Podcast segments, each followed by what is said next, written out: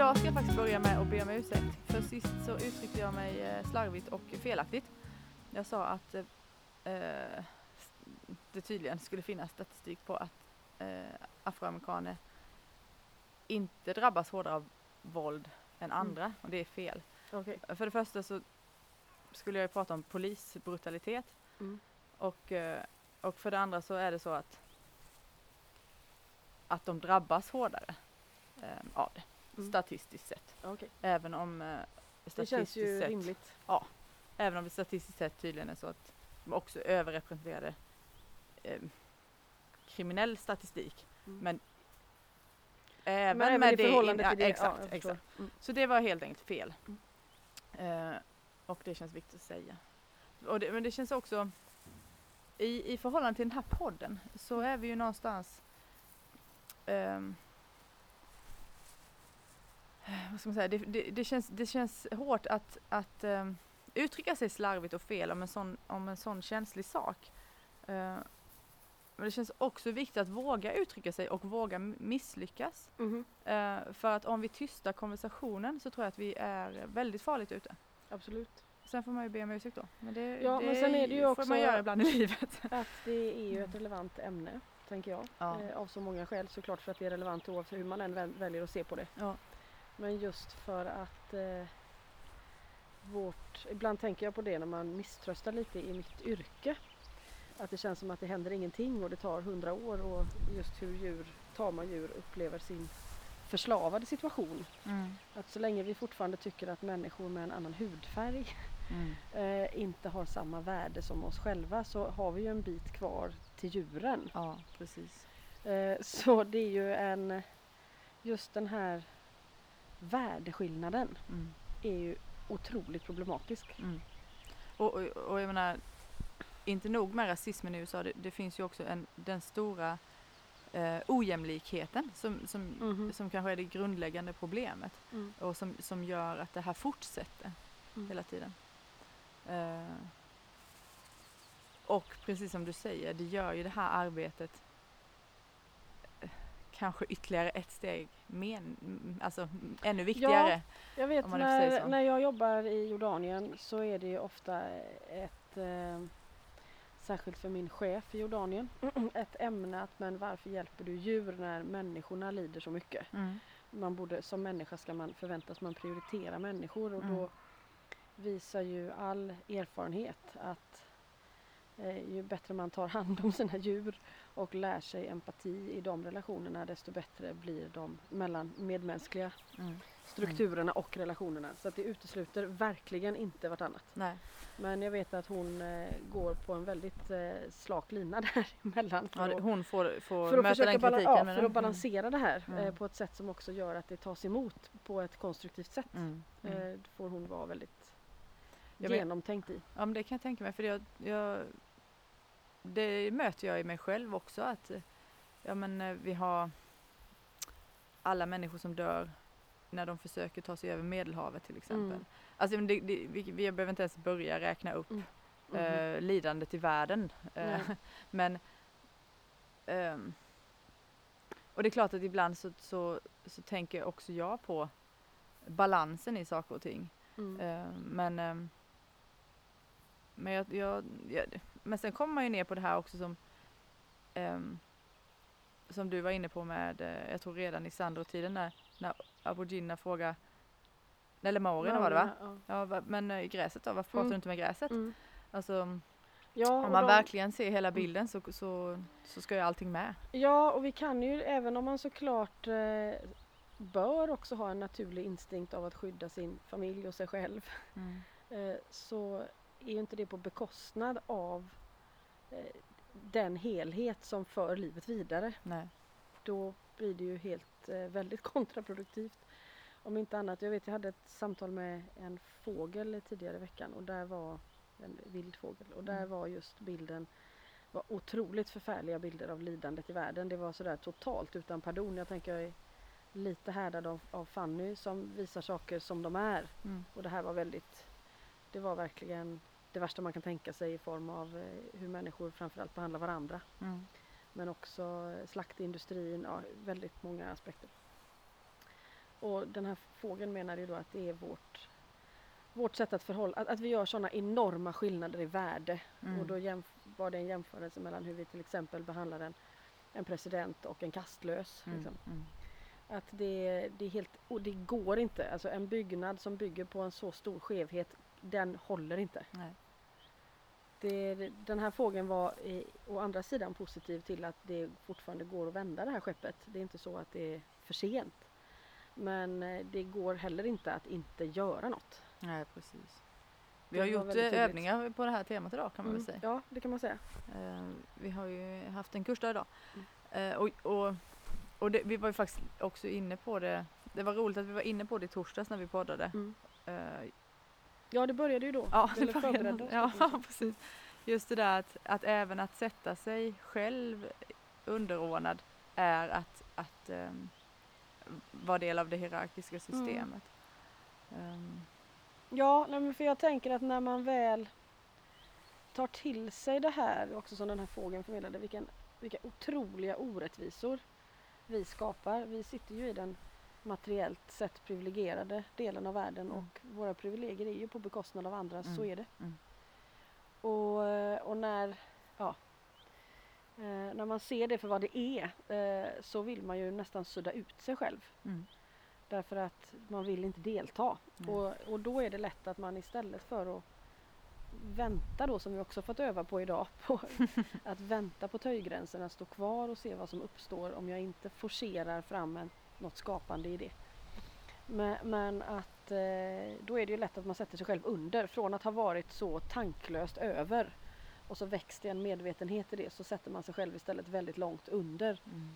Och där finns det ju väldigt eh, okreativa känslor som självhat och, och annat. Det, det är ju inte det som kommer att lösa detta. Nej, jag tänkte precis säga det.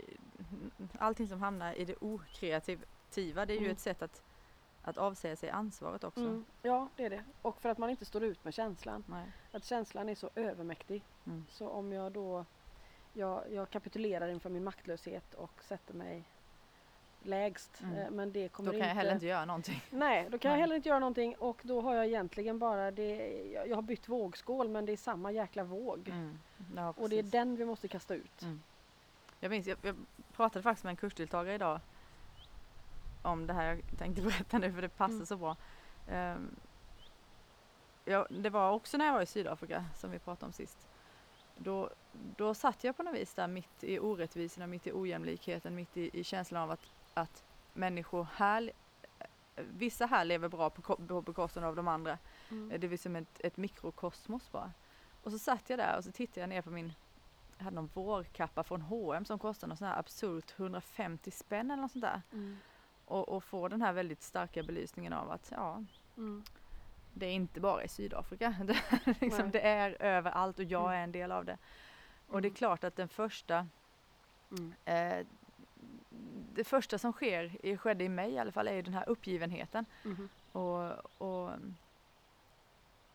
och vad, ja, samtidigt växer ju frågan vad ska vi göra? Men, och, och den där, alltså hur, artik- hur du artikulerade det i förra avsnittet om att vi måste försöka hit, hitta, systemet är ju hittat, ett icke-hierarkiskt system är ju inte, Mm. behöver ju inte hittas men det, det måste ju levas. Mm. Eh, bara, bara att den möjligheten finns ehm, tycker jag är trösterik och också att det plötsligt är någonting konkret att göra varje dag. Mm. Ja, och att det där konkreta som ändå går att genomföra i ens egen vardag utan att man måste välta allting. Eh, och säga upp sig från jobbet, flytta, bryta alla relationer, eh, endast ha byteshandel Mm. och så vidare. Väldigt många små steg får ju en enorm effekt då. Mm. Mm. Och, eh, och framförallt vad det gäller inställningen till det. Eh, Jag vet att jag har berättat det här många gånger förr och jag vet inte ens om jag har berättat det i podden men för, må- för många år sedan så lyssnade jag på morgonnyheterna och så intervjuades en naturfotograf eh, som hade just tagit väl också väldigt många bilder på eh, miljöförstöring. Mm. Och då var ju frågan vad kan vi göra i vårt vanliga liv för att, för att motverka den här förfärliga trenden och så väntar sig nog reporten sådär, men byt glödlampor och byt bil och sådär. Så, ja, nej, men vi har ju bestämt oss för vad som är referensram. Mm. Vi har bestämt oss för att ekonomin utgör ramen och vi kan bara göra så många, mycket skillnader för miljön som ekonomin tillåter. Tror vi, men det är bara det att vi har enats om den referensramen. Mm. Vi, Mm. kan by, vi kan skifta den. Ja. Och då vore det plötsligt möjligt att göra Allt som vi har gjort under coronaepidemin. Ja, precis. Eh, då, hade det varit, då hade det varit möjligt. Så det är ju liksom vår, vad vi kollektivt utan att vi riktigt har förstått det har enats om som en fast verklighet. Och också som en fast Mm. verklighet då som, som ju inte beskriver verkligheten därför att man har ett ekonomiskt system som bygger på ständig tillväxt. Men vi har en ändlig planet. Mhm. Då känns ju redan där som att det krockar. Mm, Sen finns det ju de som säger att, att det, vi kan inte bromsa oss ur detta utan det, det, det kommer ske teknologiska landvinningar. Och det kanske det gör, men frågan är om vi vi har ju inte tid att vänta i alla fall. Vi måste Nej. jobba på alla plan Och tror jag. jag, ja, jag tänker också att teknologiska landvinningar är väsentliga eh, för vår art också. Därför att det är där vi... Det är där vi är. Ja, det, är- det är där mycket av vår utveckling ligger. Mm. Eh, men eh, vi har fortfarande inte bytt referensram. Nej. Utan då kan vi liksom luta oss tillbaka och vänta lite för det finns de här skickliga teknikerna som kommer att fixa det här åt oss. Så att Mm. jag fortsätter så länge. Mm. Eh, och det är ju på något sätt hur, hur jag väljer att se på världen som kommer att skapa, jag tänker på innovatörsövningen som vi gjorde idag. Att eh, jag kommer till en punkt där jag erkänner att jag, jag kan ingenting, jag vet ingenting, jag har ingenting att bidra med. Därför att allt jag kommer med i mina kassar och väskor är sånt som jag har använt förut Mm. och ingenting av det kommer att hjälpa oss nu. Eh, och då måste jag först acceptera det och i det accepterandet eh, som jag, jag tyckte när jag prövade övningen idag att just den, accep- den accepterande faktorn i det kändes väldigt relevant. Och jag stod kvar i den känslan längre än vad jag gjorde när jag provade övningen sist. Mm. Jag ska bara säga, jag, jag vill gärna på att vi pratar vidare om det för en väldigt spännande övning. Jag ska bara berätta för er som, som lyssnar att vi sitter utomhus idag med en liten um, handhållen mikrofon för att eftersom att vi faktiskt träffas live idag så har vi möjlighet att kanske gå runt lite här bland eh, djuren och, och odlingarna kanske Mm. eftersom att det väcktes i förra, Mm. förra avsnittet och känns relevant med tanke på miljön och så vidare. Eh, Så, så om det blir lite sämre ljud, här blåser en del, så eh, beror det på det och jag hoppas att ni har överseende med. Ja, Det får ni ha. För det, man vänjer sig. Man Ja. vänjer sig. Men nej, den där övningen var ju väldigt och, spännande. och att man då också säger, och sen måste man vänta. Och väntandet bygger på att man, man håller, det är inte så att man, man liksom låser in sig i ett rum och tittar på TV och väntar utan det är ett väldigt aktivt väntande i form av en hög närvarograd. Mm. Eh, så att man håller tomrummet öppet. Mm. Så att någonting som ännu inte finns kan skapas. Mm. Eh, och det, det är en väldigt aktiv handling även om man inte tänker sig eh, att det är det. Eh, kanske när man beskriver det först. Eh, men därför att någonting måste kunna stiga fram inom en. Och, men det kan inte ske om man inte då har också gått igenom de andra bitarna som andra roller i flocken förmedlar. I form av självtillit, självrespekt, vördnad inför sig själv och Mm. andra. Det går inte bara att rycka loss det. Du måste, Mhm. du måste ju också Ja, det tänkte inte Ja, jag på det- under det- dagen. Att det, det, vi liksom hade inte en... kunnat börja med den övningen. Nej. Den, den hade varit helt irrelevant. Mm. Men det betyder ju också att, att ö, alltså, det, jag kan intyga i alla fall för min del att det, det var ingen lätt övning. Nej, Eh, är det det var en väldigt spännande övning i Mm. bemärkelsen att, att stå där och säga att vad, om det nu uppstår någonting här så är det någonting som, som är helt okänt och nytt Mm. och utanför för, för mig i alla fall. Mm. Och då, det, alltså bara att stå där och öppna upp för det är väldigt spännande. Mm. Men, men ehm, om man då tänker på det här som en övning som krävs av mänskligheten Mm. för att lösa situationer vi har satt oss i. Eh, då blir min fråga, hin, hinner vi? Ja, det tror Du, Eh. Du, du har ju så stor tillit. Ja, nej men jag tror att vi, vi förlorar mer tid genom att springa huvudlöst. Ja, åt fel håll. Eller åt vilket håll Ja. som helst. Ja. Ja. Och sen får man ju också tänka att för varje individ som på riktigt vidgar medvetandets gräns eh, så ökar ju det utrymmet för alla andra. Mm. Så jag skulle nog ändå säga att det är väldigt tidsbesparande förutsatt att det sker genuint. Mm. Eller att det, Mm. Jag tänkte på det här med odlingen eh, sen du nämnde det sist, att hästarna sa att när världen brinner går jag hem och odla eller Mm. något sånt ja, där va? Ja, vad ska jag göra? Världen brinner. För Jag, jag, jag, jag, ja, det är ungefär ett år sedan, förra våren så gick jag bananas och rullade ut fyra ensilagebalar i trädgården och Mm. eh, odlade. Mm. Eh, och det ökar ju i, i år såklart. Men jag har också då, jag, jag, ifråga, jag kan inte låta bli att ifrågasätta det här odlandet. Därför att eh,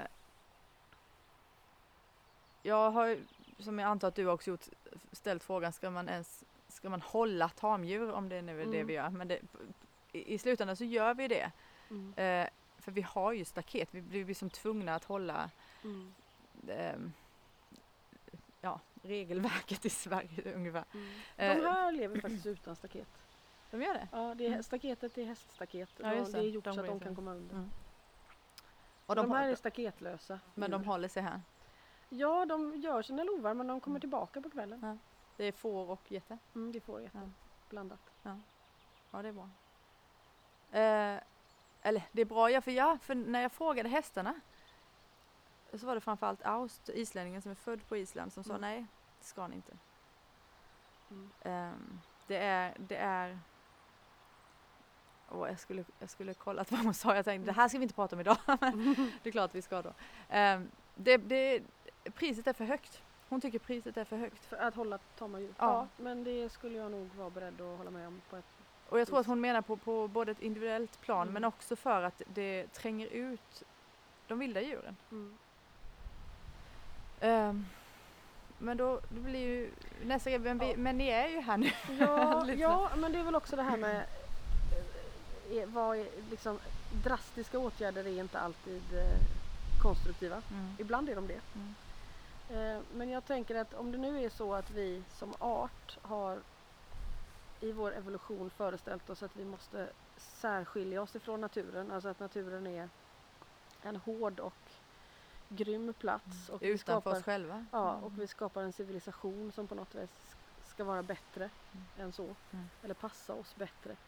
Och sen inser vi i den processen att vi har missat saker på vägen här. Att vi har visserligen en otroligt stark kreativ förmåga och ett val hela tiden mellan destruktivt och kreativt. Eh, till skillnad från andra arter säger, poängterar i alla fall väldigt många Mm. andra arter. Mm, mm. Så att, att vi skapar någonting som är ytterligare eller går utanför naturen kanske i sig inte är en obalans men när vi tappar tråden så blir det det. Mhm. När vi tappar tråden till kärnan eller till och med då anser att vi faktiskt inte är en del av naturen. Mm. Och då måste vi ju till slut kanske då inse att vi måste ta oss tillbaka. Mm. Eh, och eh, som i den här filmen Love Thy Nature med att vi får inse att det är inte Dominion. Mm. Eh, vi kan inte härska Nej. eh, utan vi måste börja delta. Mm. Det tyckte jag var en stor poäng med den Mm. filmen just. Mm, mm. Eh, sätta ord på det Mm. på ett, ett konkret sätt. Mm. Men då, Och vill Då man ha ytterligare en referens till det så har vi den här boken som heter Braiding Sweetgrass som Ja. jag tycker är fantastisk. mm. Ehm, ja, som också handlar om det där att vi måste Mm. delta, vi måste vara en del av. och, då, och då tänker jag att eh, i våra försök att delta då så kan man säga så rör vi oss mot naturen och naturen rör sig mot oss. För Mm. att också naturen inser att vi behöver bli någon måste möta oss i alla fall på halva vägen. Och då kommer de domesticerade djuren Ja, och grödorna tänk, ja, jag tänker att domesticerade djur och grödor kan fylla en funktion där även om de har till, tillkommit i vår värld på grund av eh, vårt härskande Mm. och ägande och tämjande och bemästrande så skulle de också kunna hjälpa oss att ta oss därifrån. Ja, för, alltså, det är åtminstone, alltså de är ju här som individer Mm. nu. Ja. Och det går ju liksom inte bara att Nej, inte vara här. Det, det här, jag skulle inte säga att de här fåren blir hjälpta av att jag slutar att mata dem på vintern. eh, men jag blir definitivt hjälpt av att få tillgång till det de kan lära mig. Mm. Mm. Och förhoppningsvis så skulle det de kan lära mig på längre sikt leda till eh, att vårt förhållningssätt till omgivning och natur kan ändras för fler individer. Och om det då händer på fler platser så kommer det, det kommer ju göra skillnad. Jag måste ju Mm. tro att det finns hopp där. Ja, alltså det, det Och, och att det måste ju vara okej att allting inte sker under min livstid och att mm. det då på något sätt skulle vara att nej, men då ger jag upp. Mm. Nej, Eh, precis. därför att jag, jag tänkte på det, hästarna är ju alltid väldigt nöjda på kurserna och Sigvard noterar ju att de alltid sover sen ett helt dygn ofta Mm. efteråt. Eh, men att de är ändå väldigt nöjda med att det sker. Mm. Så det kommer ändå, det kommer ändå en grupp och nu två grupper eh, människor som, eh, som tar till sig och verkligen på riktigt försöker, som går ut där i hagen med okej, jag accepterar att jag kan inget, jag vet inget. Jag har inget att Eh, bidra med. Jag har inget att bidra med och, och jag, jag prövar den känslan ärligt eh, ända inifrån. Även om det är som du säger en jättesvår övning. Och svaret som de också själva säger att det kommer ju inte Nej. idag. Nej. Eh, Men vi måste börja någonstans. Och de här hästarna är ju medvetna om att de bidrar med en, en liten pusselbit men, men den är inte mindre värd. Nej. Jag Och vad är vi det Mio säger? Det är differensen som räknas. Det är differensen som räknas, precis. Och Mm. att differensen utgör mot samexistens utgör ett så mycket, alltså den slår ut hela vågskålen. Det är inte så att liksom en samexistens versus en, eh, en eh, ett, ett härskande. Liksom. Utan Nej, det, är, det är ju två helt olika, de kan ju inte ställas mot varandra. Nej, det, Så det är ju lite som nej. att tänder du lampan i rummet så är det ju ljust där inne. Även om det är en liten lampa som Mm. du, ja, Mm. Ja, i förhållande till storleken, så, så det, det spelar ju roll. Mm. Det är klart att det spelar roll. Mm. Eh, och vi måste ha den entusiasmen även om den inte eh, finns varje dag. Såklart. Men då hjälper ju faktiskt odlingen. Det är, Mm. någonting, eh, det är någonting som nästan jag skulle uppleva som magiskt att gå Mm. ut och sätta fingrarna i jorden. Mm. Och, och att jag, jag, det är också oproportionerligt, eh, det är själva känslan av meningsfullhet. Ehm, eh, så, så, men, men, men det kan ju då få mig också att tänka att jaha, ja men jag, jag, ja, men jag, jag var inne på det sist med, att jag, jag gömmer mig liksom. Jag, jag går här på gården och odlar och, och umgås med djuren och, och gömmer mig för världen. Ja, fast alltså, du gömmer dig ju inte helt och hållet för världen. Jag försöker. Ja, det går ju sådär i så fall. Det var din idé med podden. kan ju börja där. Ja, Ja. ja. men, ja, men ja. om det var min då? Jag kanske bara Ja, men du sa inte nej i alla fall. Nej, det gjorde jag inte. Nej. Nej. Eh, Mm. nej men jag tänker att man behöver en balans. Mm. Eh, jag, tänker på det till exempel i, ett eh, muslimskt perspektiv. Eh, de perioder som, som jag liksom tar mig samman och faktiskt ber fem gånger om dagen. Mm. Så är det för mig fem minuter utanför. Liksom. I de fem minuterna så är jag inte inne i räkningar som ska betalas och kunder som jag måste inte ha hunnit höra av mig till. Eller ett sjukt djur hemma som jag är helt förtvivlad över att jag inte vet hur jag ska lösa. De Mm. fem minuterna är okej Mm. att, att jag överlämnar. Mm. Det, det lilla breaket kan jag tillåta mig Mm. på något sätt. Eh, och då är det någon annan. Då är det, då är det liksom Mm. då är det inte allt är upp till mig i de fem minuterna. Och de gör ju att man på något sätt ändå kan komma tillbaka ur Mm. med, med, en, eh, em, med en annan energi. Liksom. Jag ber ju inte mer Mm. meditera och det är Mm. precis samma sak. Samma. Just nu så ska jag inte planera. alltså, nu, nu handlar det bara om att falla in i det större. Mm. Och det är Och- klart att skulle ja. jag göra bara det eh, och inte agera i den här världen alls. Jag kan inte säga att det skulle vara fel. En, en munk som ägnar hela sitt liv åt att möta Gud eller, eller Buddhas visdom. Eh, är han ute och cyklar? Nej det tycker jag verkligen inte. Eh, men jag kan se att min roll eh, utspelar sig i en verklighet som man delar med andra människor. Eh, Men för att det ska vara möjligt så måste jag också kunna dra mig därifrån. Mm. Men i munkens Och fall sen- så borde och han ju och höja taket för oss andra Ja, eller hur? utifrån hur, Ja, vi resonerar. Ja, Mm. och så vad, vad består flykten av? Alltså jag tänker att vilken väg vi än väljer och hur vi än förhåller oss till den inre och yttre världen så kommer vi alltid att vilja hitta sätt att fly. Mm. Det kommer vi ju inte, Nej. det kommer vi ju inte runt. Nej, nej. Ehm, Men, nej, men den här bönen. Är det eh, ledande fråga då? Eh, är det inte så att du också egentligen plockar upp den flera gånger under dagen? Och, och, alltså i ditt, i ditt arbete? jo, Ja. eh, det skulle jag säga. Och det Eh, kanske blir men- enklare då de Men då gångerna har du har jag ju, bett då har jag ju också en roll. Ehm, Sen är det ju så som jag tänker att möjligtvis meditationen blir för dig att, att det är lättare att be i perioder där saker flyter på och man har en, en rutin. Jag har, har ju svårare att, att vända mig till bönen när jag verkligen behöver det som bäst. Ja, precis. Eh, och jag blir väldigt frustrerad över att inse att det hela tiden är så. Mm.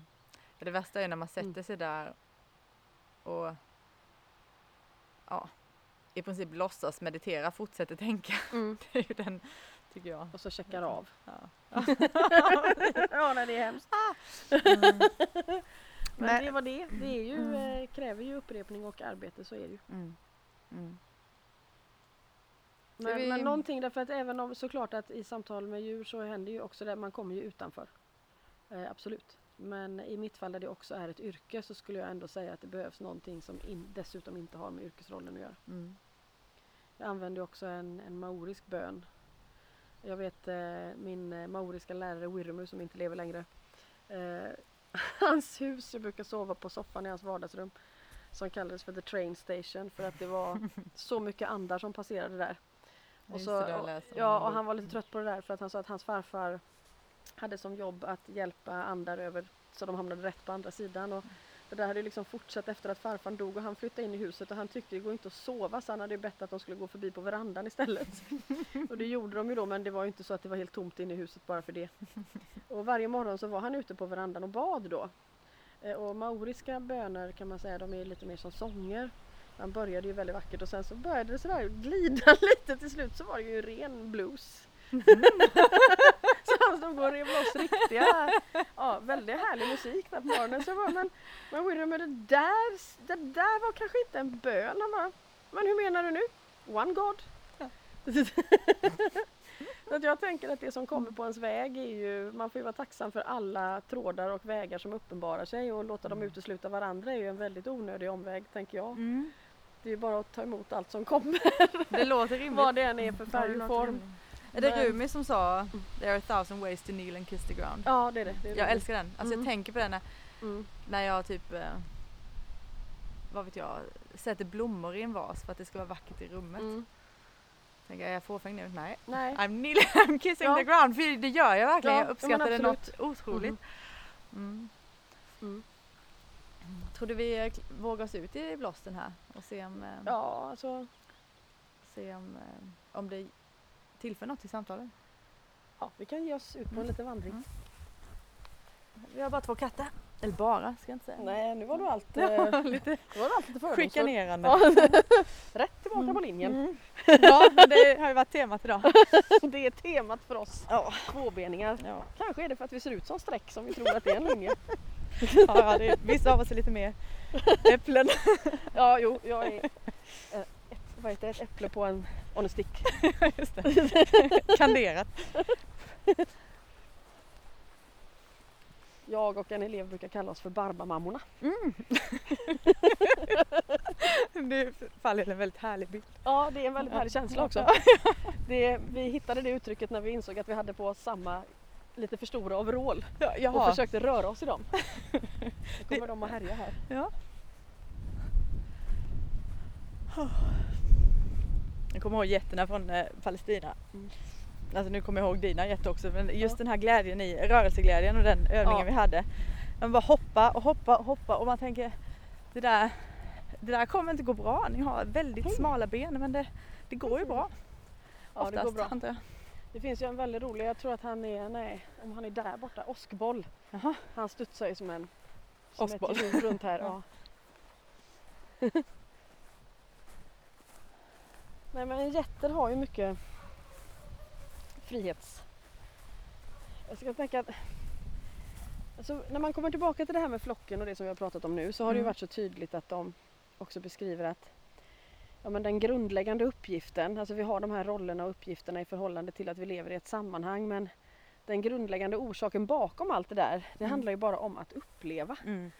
Ehm, och, och att det är liksom den starkast drivande kraften eller den kraften som kanske ger mest eller för en närmast kärnan i livet. Det har, verkar väldigt ofta ha med nyfikenhet att göra. Mm. Mm. Man kommer tillbaka till att vad, vad är en fungerande motivation? Mm. Och så fort det finns ett resultat eller en idé eller en så på något sätt så faller allting bara isär.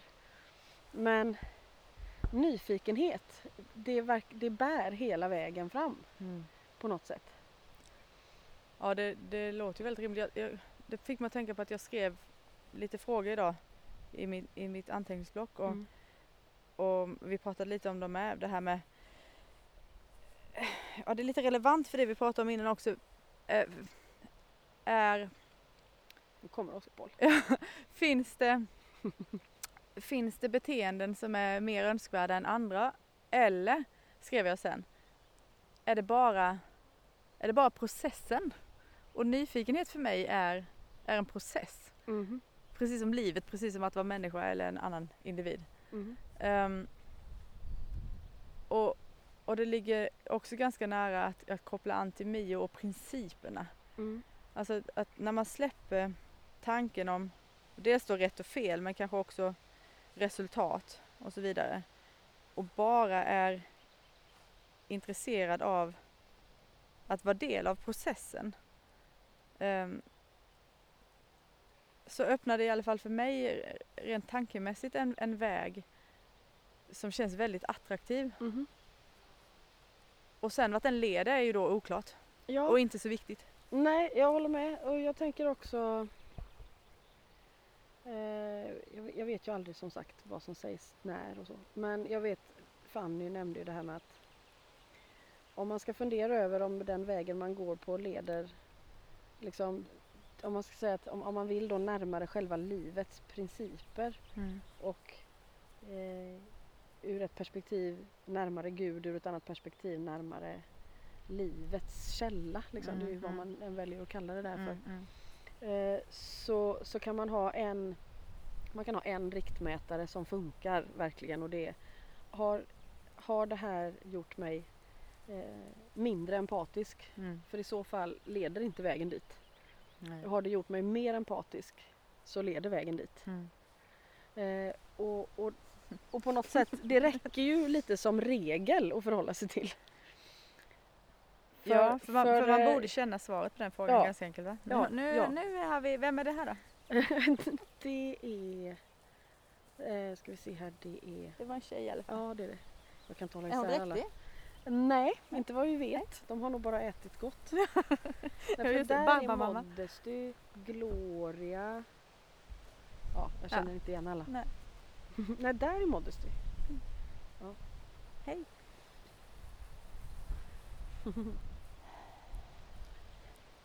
Nej, så att är liksom, vilka beteenden är mer önskvärda? Finns det rätt eller fel? Och så faller det så här så verkar det som att man kan ändå Vidgar man sitt jag kan man innefatta mer. Blir man mer, blir man mer ja, empatisk. Det borde ju eh, någonstans hjälpa då mätaren, miljön till exempel. Ja, det är den alltså, som, vi var inne som är relevant. Miljö, mm. rasism, mm. diverse problem vi kan räkna, mm. ut, räkna upp. Wee, bus! och sen gos. mm. Nej för att allt det som är som mera är läror då. Mm. Eh, där är ju saker rätt eller fel beroende på vem man är just då. Att under en viss fas i livet så är, så är någon lära eller skrift kanske väldigt relevant som sen inte är det. Mm. Så det, det, finns inte den... Nu går vi vidare, nu blåser ja, det. finns inte den varaktigheten i det. Nej men på tal om att det är en process då. Mm. Eh, är det där Ja okej, okay. så varaktigheten finns i frågan. Mm. Och svaret om, om det går närmre eller längre ifrån mm. empati. Ja. Men själva, själva, mm, själva processen i vilken man ställer sig den frågan kanske ändå kan vara relevant också. Mm. Eller? Ja. Eller jag menar det är ju livet klart. Mm. Det är ju det vi vill uppleva. Ja det verkar ju som att, och det pratade vi ju lite om efter podden sist väl? Var det inte så? Jo, att vi, vi då kom in på det här. vi kunde verkligen nej, vi inte kunde sluta. Inte sluta. Eh, och då handlade det lite om det här med, med andlighet. Vad är varför? Jag vet jag har en, en elev som hade ett sånt här starkt genombrotts, eh, ett ridpass som blev en sån religiös upplevelse verkligen. Mm. Och så vet jag att hon frågade sen, och vad gör man nu? Ja. vad ja. gör man sen? Mm. Eh, och, det, och de tog en väldigt lång paus hon och den hästen efter det för det gick liksom inte att bara rulla på efter det. Eh, och sen he- hände det ju såklart andra saker i deras liv och vägen fortsätter åt olika håll och så. Men jag tänker att, att det finns en, en väg som handlar om eh, där man letar efter personlig utveckling och andlighet och så. Därför att man vill, man vill lyckas eller få ett bättre liv här. Mm. Här och nu. Och man kan inte motargumentera det eller på något sätt säga att det skulle vara fel. Men det är en väg. Ehm, och sen är det den skulle det kunna vara att man istället då ger sig ut i andlighet och personlig rannsakan och allt det här som vi håller på med därför att man vill bli fri. Alltså Mm. därför att man på något sätt vill att själen ska få utrymme att blomstra fritt. Och då kanske inte det här med att lyckas i omvärldens ögon eh, alls är till någon hjälp längre. Då kan man komma i sådana lägen som när Fanny Det säger är att, kontraproduktivt ibland. ja, att, eh, att, att, att allting rasar är något oerhört positivt. Mm. Eh, och det finns någon, eh, då kommer jag inte ihåg det här ordagrant i Tao Te Ching men eh, vad som är mest skadligt, success or failure. Mm. Mm. Eh, plötsligt så, så stämmer inte de där reglerna längre, alltså orsak och verkan och vad man rimligtvis i vanliga fall har vant sig vid att sträva mot. Eh, när vägen byter riktning in i en annan dimension eh, så betyder inte de här sakerna längre samma sak. Nej. Att jag får sparken från jobbet är såklart en tragedi och det är otroligt besvärligt. Eh, men ur, om man vänder på perspektivet till vad, vad skulle göra att min själ kan sjunga, Mm. Mm. eh, då kanske inte det svaret är lika självklart längre. Nej precis, det kanske är det precis det som behövdes. Mm. Mm. Mm. Så, så, så därför är det eh, vad är syftet? Varför gör man det här? Varför går man de här kurserna? Varför vill man att hästarna ska lära sig saker? Av- För att på något sätt i slutändan att det handlar om utrymme för livet att uppleva sig självt och ju mindre vi liksom förstör och förtrycker och skapar ett onödigt lidande så blir det mindre plats. Mm. Så att även om man säger att orättvisan eller den stora prövningen kan vara nyttig för själen och att det på något plan är exakt som det ska vara så blir det också kontraproduktivt att blunda för lidande eller till och med medverka till det Ja, i någon form. Ja, för det, det, det Så kan vi kan ju... inte ta isär politiken och miljömedvetenheten och andligheten ifrån varandra, tänker jag. Nej, det håller jag ju väldigt väl med om för att då tror jag ju att vi är väldigt nära att bli eh, Ja, nu hittar inte jag ordet, men någonting inte så trevligt. Alltså det, Mm. blir, ju, det blir ju väldigt märkligt. Mhm. Um, saker och ting försvinner i, i mitt huvud idag. det kan ju ha med kursdagen att göra kanske. Mm. Eh, Ja, det är ju för de som inte vet om Ja. just det, men det är ju väldigt intensiva övningar. De sker ju i det här arbetet kan man ju aldrig stressa med, så det är inte så att man kastas från övning till övning. Men man får heller ingen paus. nej, nej. Eh, nej. och, och på något sätt så är det väl också, vet, vi pratade med de som går första året nu att eh, lite grann för vissa så, gäll, så när man blir riktigt trött mot slutet på dagen så går det inte längre och man får, man får kanske till och med pausa den övningen för egen del. Mm, Men för vissa individer så är det ju den där tröttheten som också monterar ner försvaret. mm, Att någonstans så, så blir det att men nu skiter jag bara i det för att det här, jag orkar inte riktigt. Och då mm. finns det plötsligt en ingång som Mm. inte fanns innan. Vi pratade om den, en annan kursdeltagare och jag idag att alltså när vi gick de första åren så upplevde vi med att hade man, hade man haft liksom en, en, en stark upplevelse i en övning så, så var man lite benägen och då tog man liksom lite paus i nästa. Mm. Men nu är vi ju nu gör vi tydligen inte det, inte Nej. hon och jag i alla fall. Det var in i nästa, in i nästa. Mm. Ehm, men det är ju också tror jag för att det, har, det har landat någon form av förståelse av att vi gör samma sak ur olika infallsvinklar Mhm. väldigt mycket. Eh, Så är det. och, det och det är ju en trygghet därför att vi, ja. vi, vi, gör, vi, vi håller inte på med tusen olika saker, Nej. vi gör egentligen en och samma sak. Vi gör en och samma sak. Man skulle kunna säga att ögonbindelsövningen på den allra första helgen, eh, vem är jag och vem är du? Det är det hela. Det är det hela. Ja. Eh, men sen finns det, det gör inte de olika varianterna på det temat mindre relevanta.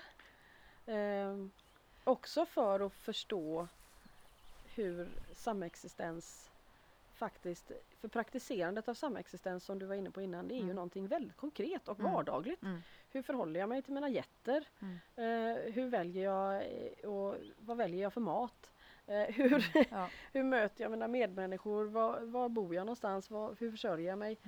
Eh, hur möter jag mina medmänniskor? Det, det, det är väldigt konkret. Och därför behöver ö, alltså man behöver öva. Mm.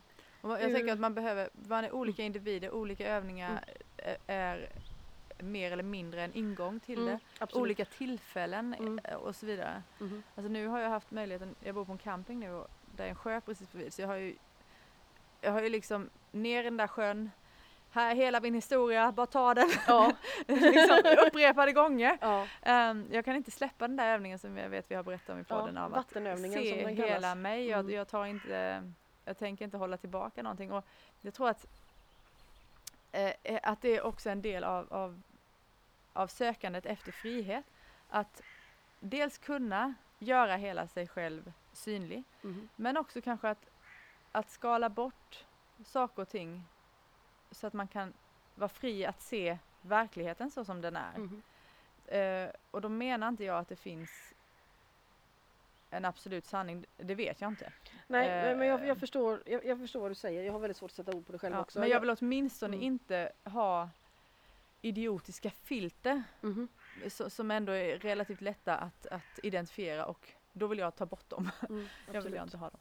Um, Nej, jag tror ju också just att idén om den absoluta sanningen, där är ju på något sätt ordet sanning komplicerad. Mm. Eh, eftersom det på något sätt ändå finns någon form av tidssekvens där ja, bara i ja. ordet. Ja, och en statiskhet. Ja, ja, det gör det. Eh, och det skulle till och med kunna tippa över i någon typ av kunskap eller åsikt eller mm. Eh, mm. ja, mm. något faktum på något sätt. Mm. Och jag tänker att eh, det, jag skulle inte kunna placera alltet eller skaparen i, i det.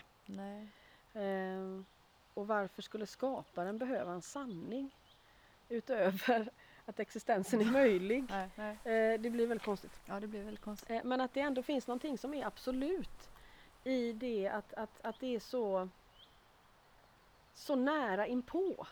Så jag tänker alla de här passionerade sufiska dikterna liksom, att man vill nära. Mm. Som du säger, jag vill mm. inte ha något jävla skynke emellan. Jag vill, nej, nej. Jag, jag, vill mötas, mm. jag vill vara där när det händer. Ja, ja. Jag vill inte komma på sen på min dödsbädd att jag var aldrig där. Eller när jag är 65 och det är ja. långt jag ska dö och jag är bitter. Ja, vad det nu är. Ännu värre. Eh, så det absoluta tror jag ligger i, i någon längtan där. Jag vet att när jag gick i, jag gick i gymnasiet, det hände väldigt mycket då för att jag hade turen att få väldigt många eh, otroligt eh, liksom, kreativa och modiga vänner. Mm. Måste jag verkligen säga. Mm. Eh, och en av dem eh, var, många av de här var latinamerikaner. Eh, för att det här, jag är född 74 och Pinochet var 73. Mm. mm. Så mm. då fick många fly följaktligen. Och då var det mycket dansande av samba för att förhålla sig till världen. Har hjälpt mig fortfarande. Men då fanns det en kille där som gick i klassen över mig tror jag. Han spelade liksom samba jämt.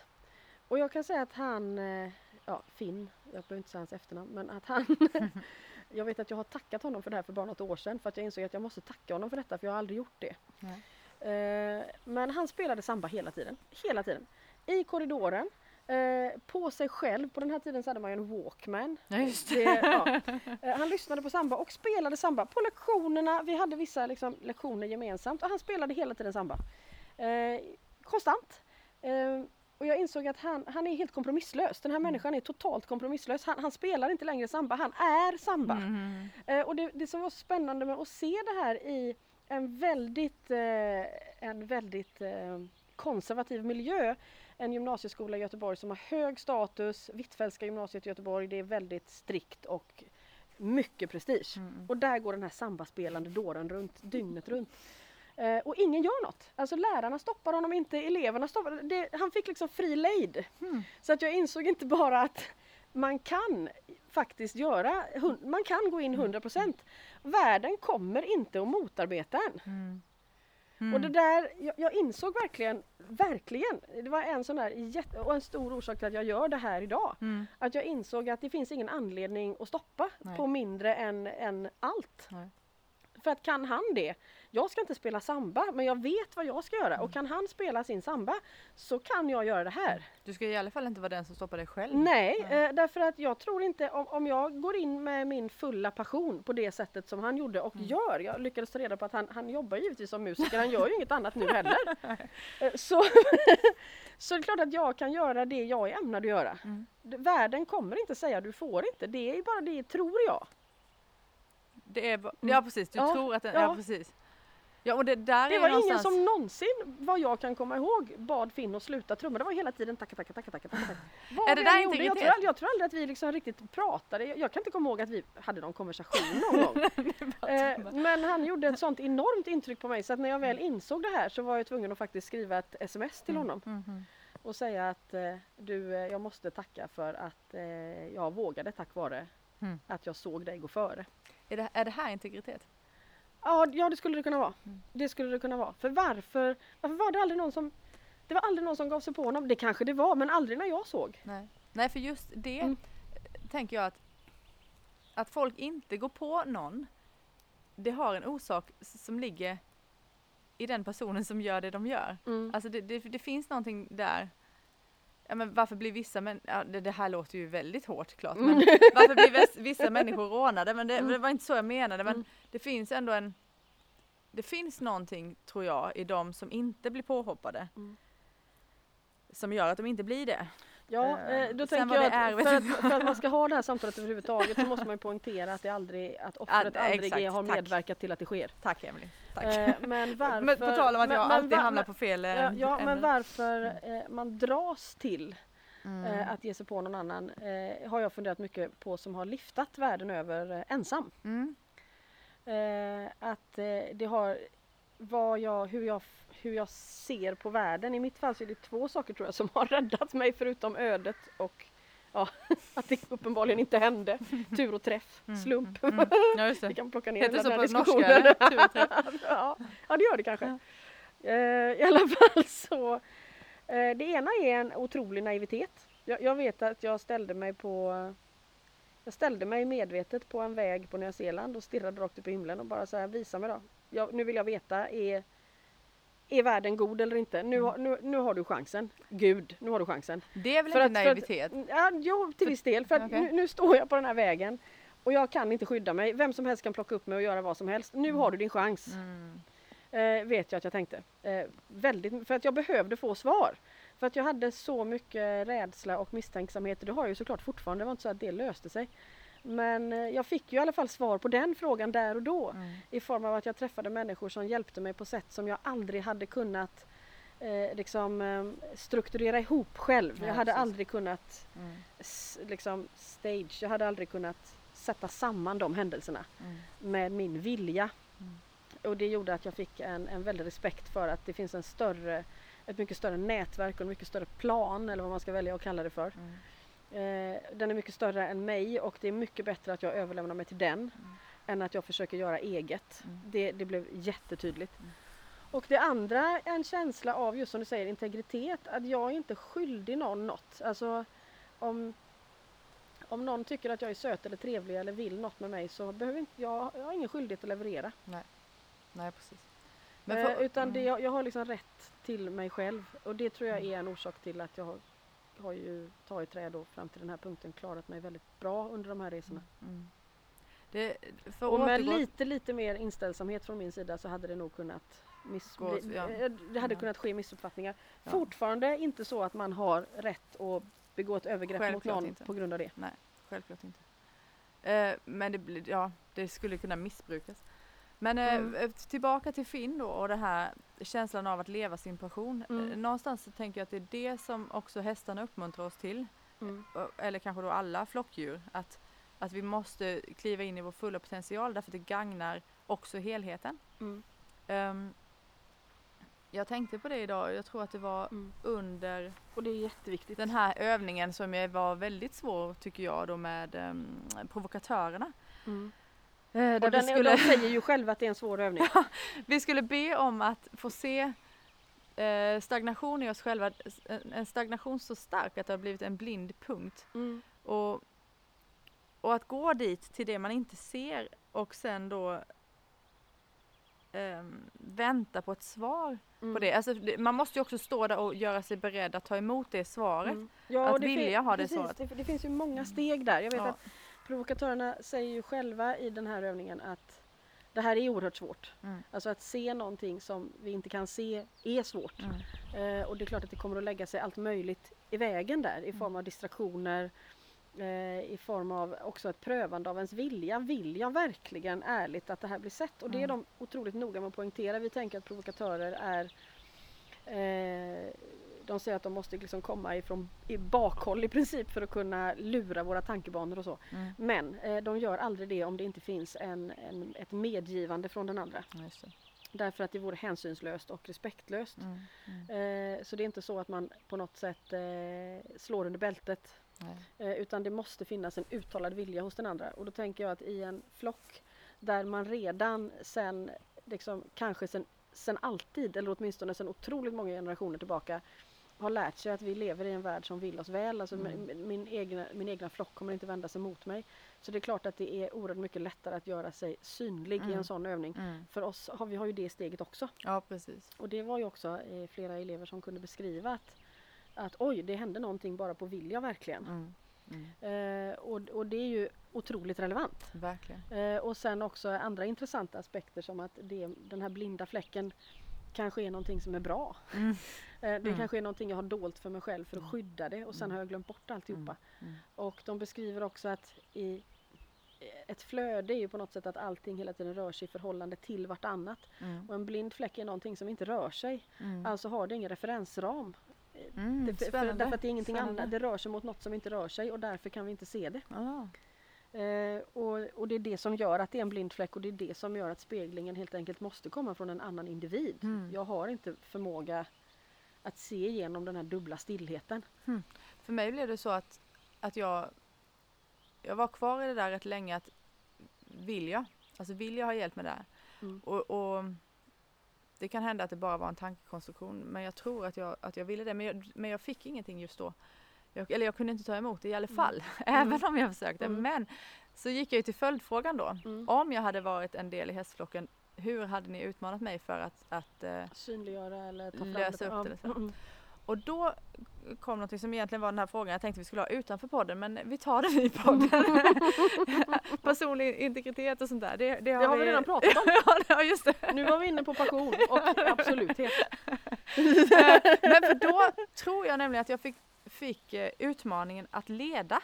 Mm. Och då sändes jag ju iväg i en, mm. i en liksom annan mm. tankebana. De, dels så kan jag, jag kan mm. tänka mig mm. ledarskap i, i, i um, att det är relevant ur aspekten att just det där att, att man ska vara sitt fulla jag för det är mm. bättre för alla. Men hur tänker hästarna på ledarskap? Varför, tänkt, var liksom var det här någonting som jag bara gick fel i? Nej, Eller hur tänker de kring ledarskapet? Det är vad man använder för ord där. Men ja. om man tänker sig att en flock då i grunden bygger på att man använder full kapacitet vid rätt tidpunkt. Mm. Då kan okay. du ju byta ut idén om just att vi har ju så mycket bestämmande i ledaren. Det är mm. därför det ordet blir svårt. Mm, mm. Eh, men det är ju där att, att den mest, ska vi leta efter vatten så vill vi ju att den med högst, absoluta högsta kompetensen inom vattenletande mm, mm. tar initiativet. Ja. Det finns ingen anledning att det inte skulle vara så. Nej. Eh, och utrymmet för den här individen att då använda sin fulla kapacitet i den stunden är ju att alla andra då placerar ut sig där de ska vara. Mm. Varnare, försvarare, omhändertagare, mm. alla är det de ska vara så att den här individen får träda fram och då tänker jag att att träda fram och stå där i sin fulla kapacitet och i den stunden verkligen utfylla det här som är då ett, ett totalt ansvar. Mm. Därför att just nu i det här ögonblicket är det, är det mig det hänger på. Ja. Sen att den platsen roterar i en flock och att det inte är samma person och att man inte innehar den, den positionen för att man för länge sen blev färdig med en utbildning eller råkade vara kung. råkade vara kung eller så utan ja. att det här är en, en ständig färskvara. Ja. Det höjer ju i princip kravet på kvaliteten. Ja just det. Men för, ja. och, och, och, så, och så är det möjligt och nödvändigt i Mm. den icke-hierarkiska ordningen. Ja, därför att du måste ju kunna vara beredd att träda fram. Ja. Och det är Och nog där, det är och- nog ja. jävla Och, och skit. det tänker inte på för vi tänker att det på något sätt skulle vara lite småhärligt i en icke-hierarkisk tillvaro att ingen någonsin träder fram utan alla så här murslar runt. Mm. Men det är ju att alla träder fram. Ja. Eh, Men vid den tidpunkten där det är dags för just den individen. Ja, det, jag kan säga att det här hits home. Mm. Ja, ja. Och den är ju svår och det är också det som jag tänker att vi just att man antingen tror att icke-hierarki blir någon slags eh, kaos eller att det blir väldigt mysflummigt. Eh, så är det ju ingenting av det som händer. Utan Nej. det är, så enkelt är det inte, Nej. skulle man kunna säga. Nej, för det, är- på, på något vis, i djurens värld, det är fortfarande på liv och död. Mm. Ja, och det är det ju för oss också. Ja. Framförallt vad det gäller, tar jag chansen att uppleva det här livet nu medan det är här? Mm. Eller sumpar jag det? Ja. Liksom? Ja. Och det är ju det man gör när man Mm. inte träder fram. Då Mm. sumpar man ju det. Ja, det gör man. Fast man tror att man plays, Ja, och play det it var safe. det som blev så lärorikt med att se Finn. Mm. Att det, det hände inget när han trädde fram. Han tog den platsen. Mm. Eh, utan att det blev, han blev religerad eller folk skällde på honom. Eller, han störde ju ingen. Nej. Nej. Inte, det upplevde i alla fall inte jag. Men eh, Mm. det blev en sån. Ja, ja, det, jag har den bilden av honom i korridoren. Den är med mig. Mm. Verkligen. Ja, men jag, jag kan förstå det. Och det är, det är ju också en väldigt bra påminnelse. Mm. Ah, nu tappade jag någonting igen. Det är inte bara att man tappade, man glömde vad det var man höll i. och det, och vi har en kursdag imorgon också, hur ska det gå? Ja, det, det får gå hur det går. Ja. Mm. Mm. Nej men det här det passionerade är viktigt. Jag tycker det är Mm. jätteviktigt. Mm. Och inte på ett eh, hysteriskt spektakulärt sätt utan att inte hålla tillbaka livet Mm. igen. Mm. Jo, nu, nu kommer jag på det. Ehm, jag tänkte innan på nämligen, för du, du sa någonting om att djuren sa att människorna har var det, ett ans- det, var inget, det var inte ansvar, va? kommer du ihåg vad du sa? Om någonting som, som människorna hade men som inte djuren hade? Jo men det här att vi måste välja hela tiden. Att, Eh, vi väljer mellan destruktivt och kreativt till exempel. Om, om, om man tänker sig att, att djur, om vi tar den här bilden som vi hade sist av, av kärnan eller det gudomliga eller Mm, mm, skaparen och så kommer skapelsen ut där ur. Mm. Och så upplever vi saker och så återvänder vi, vi överlämnar våra upplevelser och återvänder oss fram och tillbaka. Så, så eh, står ju djur väldigt nära det mm, och de beskriver ju också att varje gång man har upplevt och överlämnat så får man tillbaka någonting från helheten, det vi pratar om idag. mm, Och därför menar de att instinkterna då, alltså saker som är egenskaper som är större än en själv, mm. kan inte vara skadliga för alltet eftersom de kommer ifrån alltet. Ja. Eh, och där verkar det som att vi, har, vi kan ställa oss utanför det och välja. Mm, Väljer jag att gå närmare skapelsens kärna eller väljer jag att gå längre ifrån? Mm. Och det verkar som att de har inte det valet. Sen betyder inte det att inte de också kan uppleva destruktivitet och eh, ska, liksom bli, skada sig på de nivåerna. nej. Eh, Men min upplevelse är ju att det mer sker just för tama djur som lever länge i våra strukturer. Mer än vad det kanske skulle hända annars. Jag upplever Mm. också att till exempel då djur med PTSD, vilket ju är extremt posttraumatiskt stressyndrom, vilket är väldigt vanligt. De har ändå en mycket snabbare väg i tillfrisknande om man jämför med läkningen av människor. Mm. Eh, därför att vägen tillbaka till kärnan det är som att minsta påminnelse så bara just det, där var ju vägen och då är de rätt i väg. Mm. Mm. Men vi behöver mycket mer stöttning i den processen. Mm. Därför att vi har hela tiden det här valet och, och de här parallella vägarna som ser likadana ut fast de är motsatta. Nej, Eh, för, för att jag tänkte på det nu var nämligen eh, Jonathan Safran Foer har skrivit en bok som heter ehm, vi, Det är vi som är klimatet. Mhm. Först skrev han den här Äta djur som jag inte Mm. hunnit läsa men jag har läst den där om klimatet. Men då säger han, han, han menar då att människan är den enda som har ett val där. Mm. Ehm,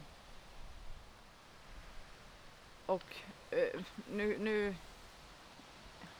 kan jag inte ens eh, parafrasera honom mer än så. Men, men det som du säger här om att vi har valet mellan eh, det, det kreativa och det destruktiva påminner om det han, har där, Mm. det han säger där. För i valet så finns ett ansvar Mhm. som, Ja, det det. som, som faktiskt ligger på människan och Mm. inte på djuren. Ja, och det beskriver ju djur också.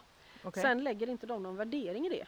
Nej? Utan de säger det bara som det är. Mm. Eh, och eh, de har inte heller någon direkt åsikt utan så att är man människa så är det uppenbarligen en del av utmaningen. Mm. Precis som är man får eller get eller träd så står man inför vad det Andra. nu innebär. Mm. Eh, och är man människa så kommer detta att vara en del av tillvaron. Mm. Och att det i den här fria viljan kanske då finns ett väldigt stort mått kärlek och tillit ur skaparens perspektiv för och, ja, att inte blanda sig i. Jag tänker att det är en väldigt stor kärlekshandling att låta någon upptäcka detta i sig själv. Mm. Finns det fri vilja? Alltså frihet, Mm. ja. Möjlighet att göra val, ja. Fri vilja? Den är väldigt svår. Mm. Alltså, Ehm, mm. eh, jag, jag skulle säga att den frågan är jättesvår. Mm. Jag, ett, jag och ett ex, eh, våra största gräl var inte om disken utan det här. Och fri vilja? Mm. Okej. Ehm, och nu kommer jag inte ens ihåg vem av oss som hade vilken ståndpunkt. Men det, det var verkligen så här, kan vi fortsätta leva ihop eller inte? Det, borde, det, ja, det var ett väldigt viktigt ämne. Ja, Spännande. Ja, eh, För en ståndpunkt men det beror ju helt på var man befinner sig när frågan ställs, tänker jag. Ja. Att på ett plan, ja, eh, definitivt. Därför att vi är skapade i full frihet Ja. eh, av en skapare som uppenbarligen inte heller är begränsad av någon åsikt. Men behövs det då en vilja? Alltså jag Mm. tänker att i något skede så blir vilja, viljan som sådan inte längre relevant. Det Mm. vet jag att när det här som vi nämnde tror jag när jag tittade på den här hästpremieringen i Saudiarabien och såg att alla sov.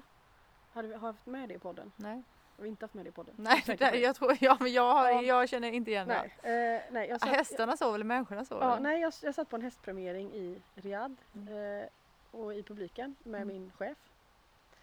Och, och eh, tittade på hästar som rörde sig fram och tillbaka och så plötsligt mitt i det här så var det som att vakna ur en dröm i en dröm. Alltså man vaknar när man sover fast det, var, Mm, ja, det blev mm, en dub, mm. dubbelhet i det där. Mm. Så att jag insåg att alla som sitter runt omkring mig sover. Alla sover. Eh, alla människorna Mm, sover. mm. Eh, och det fanns absolut ingen sån här fördömande i det på något sätt eller att det skulle vara bättre att vara vaken. Det var bara så att de sov. Mm. Eh, och jag insåg det. Eh, och jag blev väldigt eh, sådär, Åh, vad ska jag göra? Eh, jag, jag får vara väldigt tyst. eh, för att jag får inte väcka dem. Och, och så jag var väldigt tyst. Och sen insåg jag efter ett tag att de märker inte att jag har vaknat. Nej. Så det spelar ingen roll vad jag gör. Mm. Eh, och det där satt i. Det satt i den dagen. Eh, det var en av mina absolut starkaste själsliga upp, alltså i form av uppvaknande. Mm. Att det verkligen är ett konkret uppvaknande. Mm. För det läser man ju om och tänker att det är någon slags aha-upplevelse Mm, mm, men det är ju, man, man sover och Vaknar. Ja. Det, det är faktiskt inget konstigare än så. Nej. Det är vad det är. Eh, Och varför det hände, eh, ingen aning. Nej. Och, och varför man gradvis somnar är väl för av vanan då. Mm. Eh, Men vakenheten höll i sig förhållandevis länge. Och, det, och framåt kvällen, det här hände på dagen, så kom det liksom plötsligt ett skede där det kändes som att jag hade överhuvudtaget ingen vilja. Det fanns ingen, Mm. ingen personlig vilja. Mm.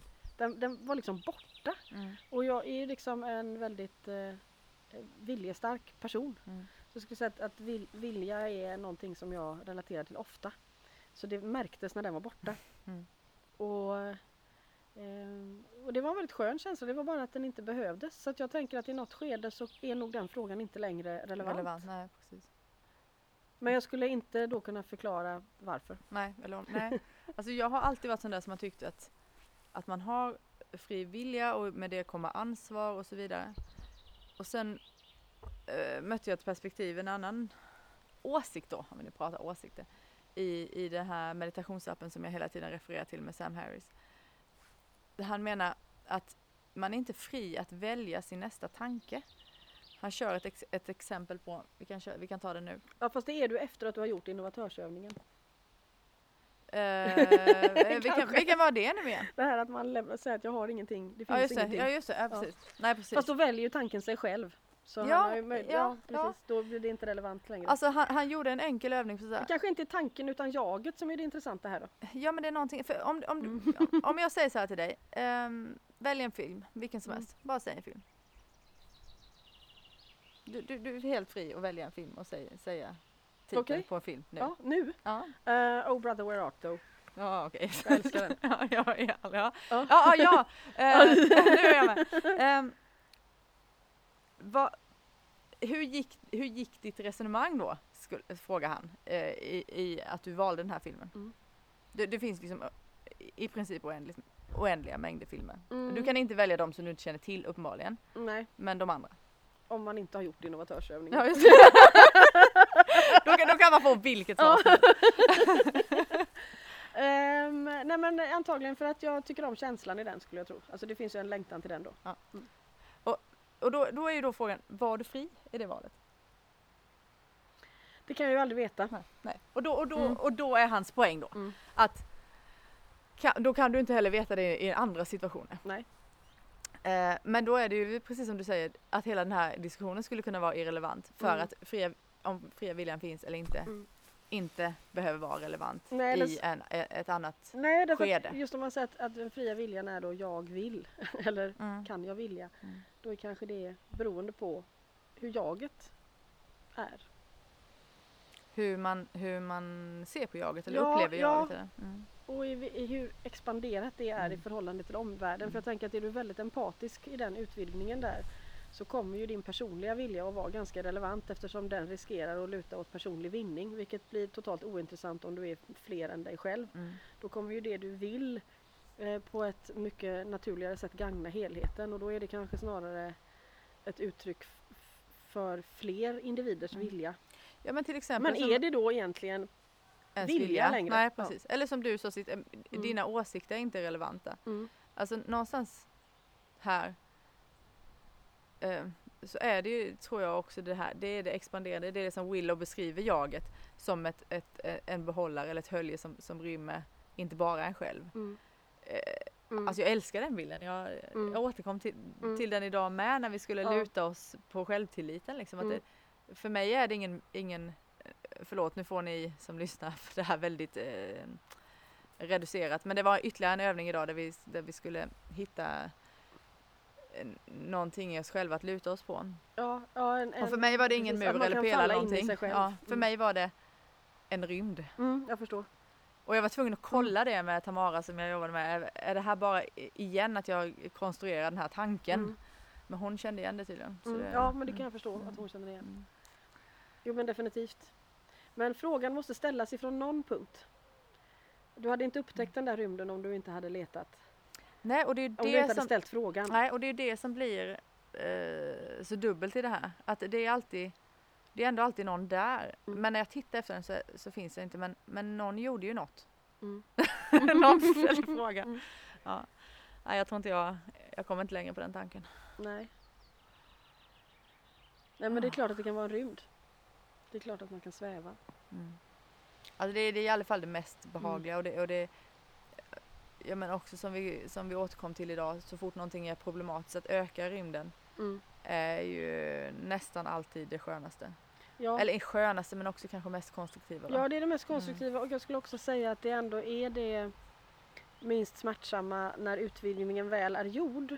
Mm, Men i ögonblicket för utvidgningen mm, där Så kan som ju spränga. Där, ja, Mm. där kan det ju finnas en intensiv smärta mm, eh, känslomässigt eller Mm. fysiskt till och med. mm. Men, men inte, i, eh, inte när, när det väl är gjort. Nej. Det är någonting väldigt befriande med eh, dels hur väl du kan sätta ord på de här sakerna och också hur ofta vi återkommer till att man, att, att man helt skiftar perspektiven eller byter dimension. Ehm, för direkt när, när du gör det, när du påpekar det, så har man ju klivit ur Mm. frågan eller problem, problemställningen eller vad det nu är. Mm.